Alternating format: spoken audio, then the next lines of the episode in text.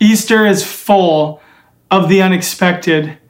And our series has really been leading to this culminating time where we explore the death, the burial, and of course, the resurrection of Jesus Christ. And as we do this, you know, we were interrupted by this COVID crisis.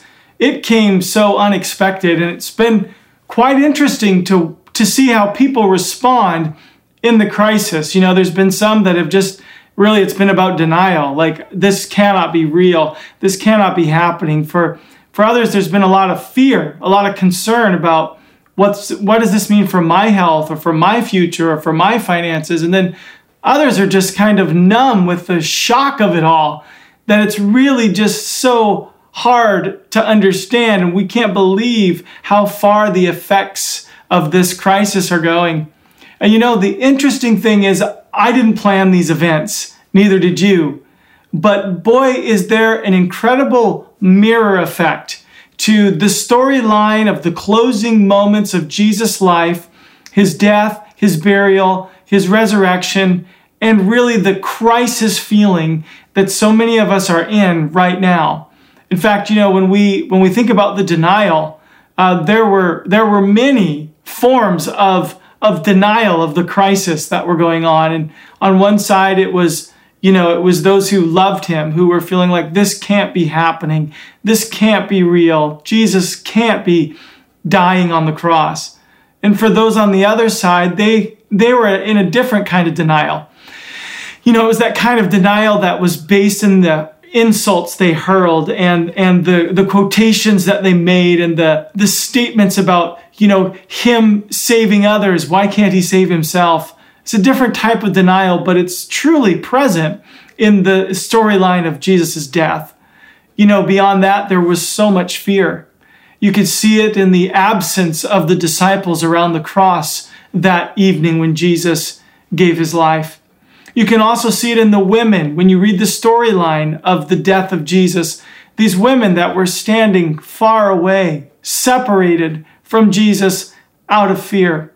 But I think the thing that is actually the most dramatic about the events leading up to Jesus' death, burial, and resurrection was the shock of it all.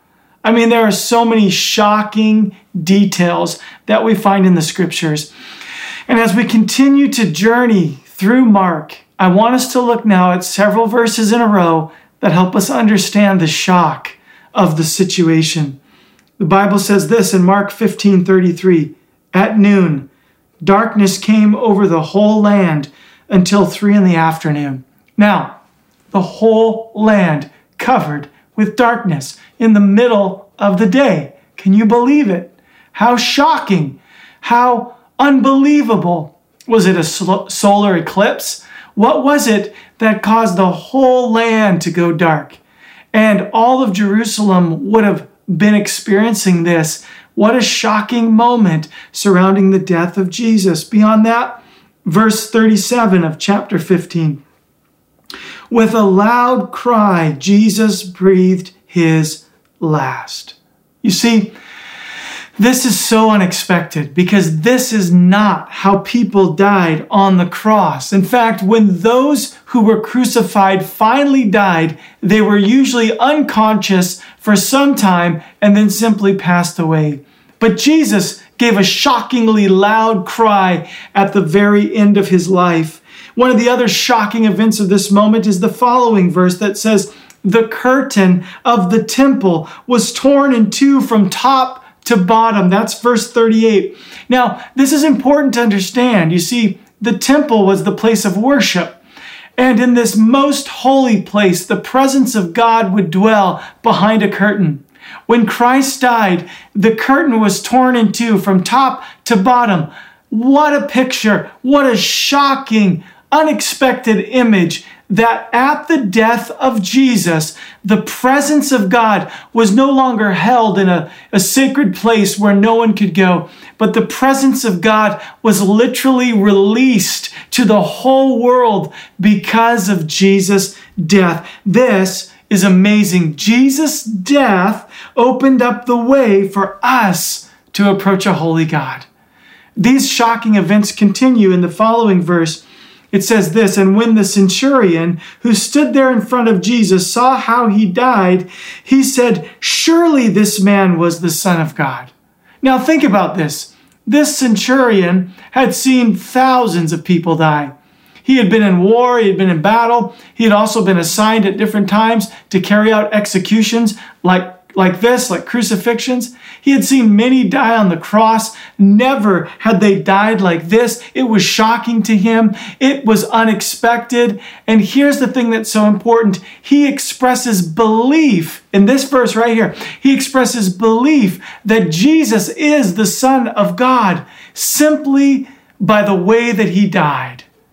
These were shocking events surrounding the death of Jesus. And here's the point when we think about the death of Jesus Christ, as we walk through his death, his burial, his resurrection today, the point is simply this the death of Jesus ensures that you now have God's attention. His eye is on you. That veil has been torn, that curtain ripped, the presence of God released, and Jesus, through his death, gives to you God's attention. And so you might be asking today, God, where are you? Are you there right now? This is such a trying time. Do you see me here in my isolation? Do you hear me crying out? And because of the death of Jesus Christ, I'm telling you without a shadow of a doubt, you can be sure He sees you, He hears you, He knows you. There's no barrier between you and Him. Someone really needs to hear that today. You need to just understand that even though you might feel isolated, you might feel separated from God, you might feel as though, you know, things are just out of control in your life or through this crisis. I want you to be sure of this. Let the relief of it come to your heart. God sees you, He knows your need, and you have access to Him because of Jesus.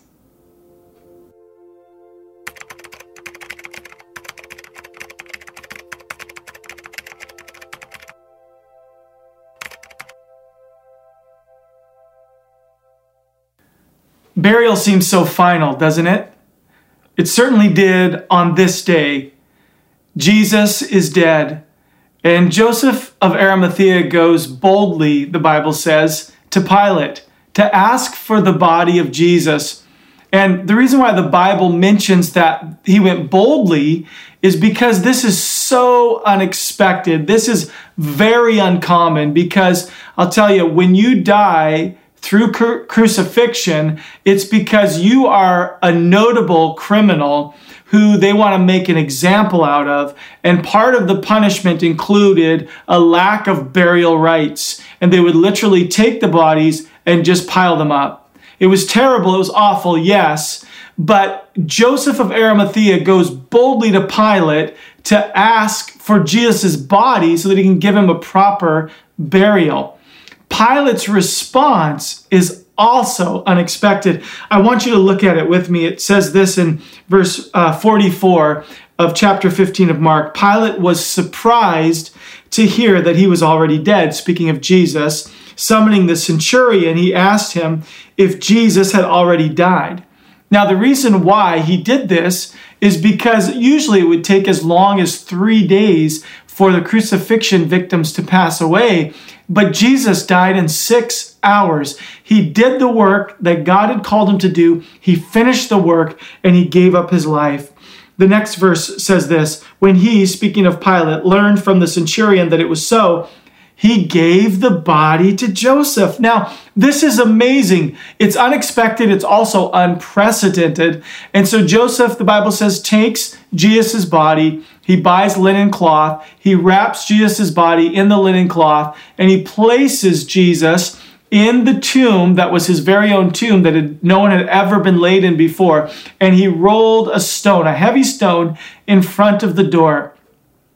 And again, let me say it burial feels so final. But Jesus says it's not. He says it's not final. Let me explain. You know, this is a very interesting season. Um, it's the season where the flowers start to bloom and the you know the all the blossoms come out on the trees and of course the grass starts to grow again and we've got to mow it and and all of the garden, you know, the plants in front of your house, they start to, you know, bud and get ready. And, And it's beautiful. It's a wonderful time. It's also the time we plant seeds. I want you to think about this for just a moment. What do you do with a seed?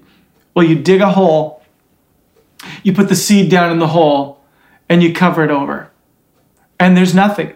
My kids just were planting tomato seeds with their Nana on FaceTime. And as they're planting the seeds, they, they dig a hole, they put the seed in, they cover it up. They're, they've got their little pots and they've got them covered. And, and every day they go to check them, and there's nothing. There's nothing, but there's a lot of hope. There's hope that something is going to spring forward. And Jesus, speaking of his own death, gave us this same picture of hope. It says it this way Very truly, I tell you, unless a kernel of wheat falls to the ground and dies, it remains only a single seed. But if it dies, it produces many seeds. And that's exactly what the life of Jesus was all about. When Jesus gave his life, when he died, when he was buried, it was so that the one seed, Jesus Christ, could become many seeds. And here we are today, thousands of us gathering online literally millions of Christians all around the world saying he is risen together. This is our Easter moment, but it's all because a single seed was placed in the ground and now many seeds. You and me, now many seeds have been produced. And so here's what we learn. Here's the point the burial of Jesus proves that tomorrow's hope isn't limited by today's despair. And somebody needs to hear that today. Maybe that's exactly where you are. You've been battling through all that you feel like you've lost in this season. You know, you've been been kind of feeling like everything is dead or dying and and maybe even for you it feels like it's just been one long funeral as you grieve loss after loss on on many different levels. But I want to encourage you with that word that I just shared just a second ago. Don't let tomorrow's hope be limited by today's despair because God isn't finished. God is still up to something. God isn't done yet. And there is something, even through this crisis, that's being planted in you that God wants to cause to grow and to bring blessing.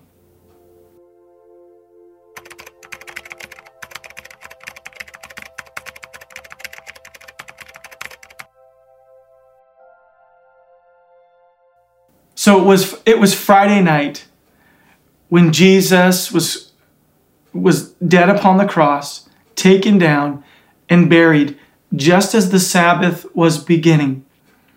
And then it, through the Sabbath time, everyone rested. And at the end of Sabbath on Saturday afternoon, the women, these three women mentioned in the verse you just saw, they bought spices to prepare for the very next morning. You know, they, they didn't have time to go to the tomb that night.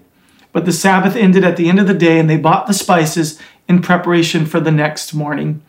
And, and so when the next morning came, they would be ready. And I got to tell you, I love the mornings. You know, if you've spent any time with me at all, if you know who I am, you know I love the mornings. I love the optimism of the morning. I love the potential of the morning, the fact that the whole day is ahead, that there's so much to look forward to, that it's it's an unwritten story ahead of you. I love the morning because it's when I get to drink the most coffee, which I love. I love the reflective time before the kids are awake. I love the idea of being able to mentally and spiritually prepare for the day. I love the mornings. But you know, these women woke up with their grief that morning. That first day of the week, they woke up with their grief. They got the spices the day before, but they woke up that morning with their grief and their minds are are, are racing with all that they've experienced this weekend and all the trauma and the pain and the and the despair, right? And as they're walking to the tomb, they're reminded of all the pain of the last several days. You know, it's interesting sometimes when you're going through grieving, you're having hard times, you go to sleep at night, and it feels like that's the only time you have peace. Then you wake up to remember, oh yeah, oh yeah, it's still COVID 19 crisis. Oh yeah, I've still had this loss or that loss. Or in this case, oh yeah, Jesus died, didn't he? It's true. It's hard to believe, but it's true. These women were facing that kind of a grief, but they're walking to the tomb with their minds racing. And let's read what happens in these next couple of verses because you got to cut them a little bit of slack. It says very early on the first day of the week, just after sunrise, they were on their way to the tomb. And, and while they were on their way, they remembered something, something key, something important. I mean, their brains had been somewhere else. They were just gathering the spices so they could do something to help Jesus or to, to remember him in some way. But they remembered something. Verse 3 tells us it says, And they asked each other, Who will roll the stone away from the entrance of the tomb? I mean, this is a good question to ask before you start on your way. But the truth is, in their grief, minds racing, doing what they thought they could do for Jesus. They didn't even think about it until this very moment. And these women cared for the needs of Jesus and they just wanted to do something for him. I mean, they were they had such big hearts, but they had no plan. no plan at all. I mean, what were they thinking? This this stone is going to stand in their way. And we can totally relate to these women as we go through this crisis. I mean, COVID-19 hit us. And now we're all saying, how can we help? What's something we can do? And we don't have a plan. We have a heart. We don't really have a plan. I mean, each one of us feel like we have so many limitations. We have so many obstacles to actually helping with a crisis like this. We're just all trying to stay safe and trying to get through it. Just like these women, you know, we have concerns about our own family. We have concerns about our loss of job, about all the uncertainty. It's all real and it's all there. And I totally get it. We can relate to these women. You see, we have no plan for COVID 19, but I'm here to tell you it's so good to know that God does. God does. And here's the statement I want to give you. I want you to remember this, friends. Even when we have no plan, God is still working His. Can I just say that again? That's so good. Somebody needs that right in their heart today. Even when we have no plan, God is still working His. And I want you to say amen right in your house right now. Yes, Andy. Amen. That's a good word because God Himself actually in the storyline deals with the stone. These women were helpless against the stone, wanted to help, had a big heart, no plan, but God has a plan and he starts to work. Here's what it says in the Bible next in Mark 16. It says, But when they looked up, this is right after they asked the question, when they looked up, they saw that the stone, which was very large, had been rolled away. God had dealt with the stone. As they entered the tomb, they saw a young man dressed in white. He was in a white robe sitting on the right side, and they were alarmed. No kidding, right? They come in, the stones rolled away, someone's alive in the tomb. This is crazy unexpected encounter. This is, you know, the Bible tells us through the other gospels that this young man was actually an angel sent by God to deliver a message. He was there so that those who came to greet Jesus or to grieve Jesus would have great hope because God was working his plan. And here's what that that angel says in verse 6, "Don't be alarmed," he said. You are looking for Jesus the Nazarene who was crucified. He has risen. He is not here. See the place where they laid him. So, in other words, you can go take a look. He's not there. He is risen. And this, my friends, is the climax of the gospel. Yes, it is. He is risen is the climax of the gospel. It's the it's the pinnacle of the good news of Jesus Christ. You see the truth is because he is risen everything has changed. And you know what? These women expected to find death and instead they found an encounter with an angel and a message of eternal life. Jesus lives. He is risen. I want you to say it with me. I'm going to say it three times. Come on, let's say it together. He is risen. Say it again. He is risen. Come on, one more time. He is risen. That is the climax of the gospel. It's not just a phrase we use, it is truth and it is power and it is hope and it is good news to you and me that He is risen. Jesus defeated death. You see, He had raised others. But I want you to know every person that Jesus had raised from the dead eventually died again. But here's the difference Jesus rose from the dead by the power of God Himself, and He rose to never ever die again. He defeated death for you and me, and this means something miraculous for us that death has lost its victory and its sting. That's the way the Bible says it. There is no victory and there is no sting for death. Jesus took it away. And this is very good news for us this Easter. He is risen means there will always be hope. He is risen means that Jesus is alive and he's on your side. He is risen means that death is not something you have to fear. And he is risen means that there is more to life than just this life. I want to tell you, it is the climax of the gospel and it's also the hope of your life because, because that single seed went into the ground and died. You now can be assured as you give your life to Christ that you will have resurrection life too. That death is not your end, that you have hope beyond the grave. And someday the stone of your death tomb will be rolled away and you will arise with resurrection life because that's what he is risen promises. You see, he is risen promises that this is not the end of the story, but that the story is still being written in your life. You're a part of it. You're a part of the story. You know, as I close, I just want you to think about this with me. You know, I love roller coasters. Like, I really do. I know that seems a little random, but just follow me for a minute. I love roller coasters.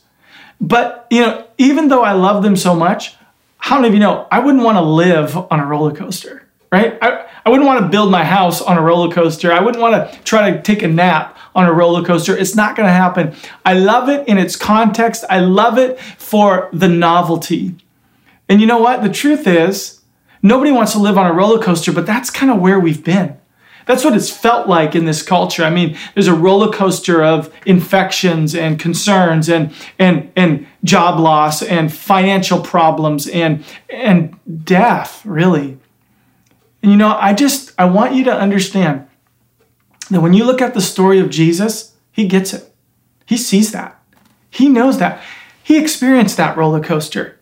I want you to think about it. I mean, he understands what you're going through. He had this, this budding ministry that, that turned into persecution and betrayal, that ended in his own death, and then his resurrection, and then his ascension, and so on and so forth, up and down and around and so on. You see, Jesus understands, and here's what I want you to know He's, He is perfectly equipped to walk with you through this time of crisis. Hold on to Jesus. Hold on to the one who rose from the dead, who defeated death, who is our greatest and last enemy. Hold on to him and let him walk you through this crisis. And listen, there's somebody here today, and you're listening to this to, to this online service. You've tuned in somewhere, somehow, and you're watching this right now. Listen, let me just speak right to you. This is a moment for you. Understand that you, because of Jesus, have access to God. Understand that because of Jesus, you've got God's attention. And as a result, can I ask you to do something? Can I ask you to manage that attention well, steward it well? Can I ask you to just, even right now where you sit, just say, God, thank you for Jesus. God, thank you for, for doing for me what I could never do for my, myself. You defeated death. Maybe you're here right now and you're listening to what I'm saying and, and, and you've never accepted Christ as the Lord and Savior of your life, do you understand that's why He died? That's why He was buried. That's why He rose from the dead. Maybe you're listening to me right now, and what you need to understand is that God has called you to be one of those many seeds that are produced from the one seed, Jesus. And so, can I invite you to simply say, Jesus, come into my life? Jesus, be Lord over my life. Come and lead me. Come and, and just take me where you want me to be. I need hope in this time. I need help in this time. Listen, if you say a prayer like that, I want you to know Jesus hears you. The Bible says clearly that whoever calls on the name of the Lord will be saved. So as you call on Jesus right now, there is a salvation taking place for you. And listen, if you're making that decision, whether you prayed that prayer with me or you know in these moments or or whether that's the longing desire of your heart and you want to say yes i want to ask you to do something a number is going to come up on the screen right now and that is a number that you can text to And if you're accepting Christ right now, Here's what I want you to do. What a great day to accept Jesus. I mean, it's Easter Sunday. Christ is risen and he wants to be risen in your life too. Listen, just just you know, maybe you have to screen capture that uh, because you're on your phone, but if you're watching and you've got your phone there, will you just text the word life? To that number life, L I F E. You just text the word life. In other words, I'm making a decision for life in Jesus Christ. I'm believing in the life of Jesus. If you'll just do that, then we're going to follow up with you. And I promise we're not going to be intrusive. We're going to let you lead the pace, but we just want to connect with you and we want to help you. Would you do that? That simple act is an act of you saying, This is my prayer. I want the life of Jesus. Just t- text the word life right now. Let me pray. Father, I thank you so much for everyone who's listening in. I thank you that we can be assured that Jesus, you're walking with us and you're bringing us great salvation. Thank you that you rose from the dead. Thank you that you defeated death. Thank you that you love us and that you have rescued us. And we pray in Jesus' name a prayer of great hope for those that right now are texting life into the church because they're saying, Christ be born in me. In Jesus' mighty name we pray. Amen.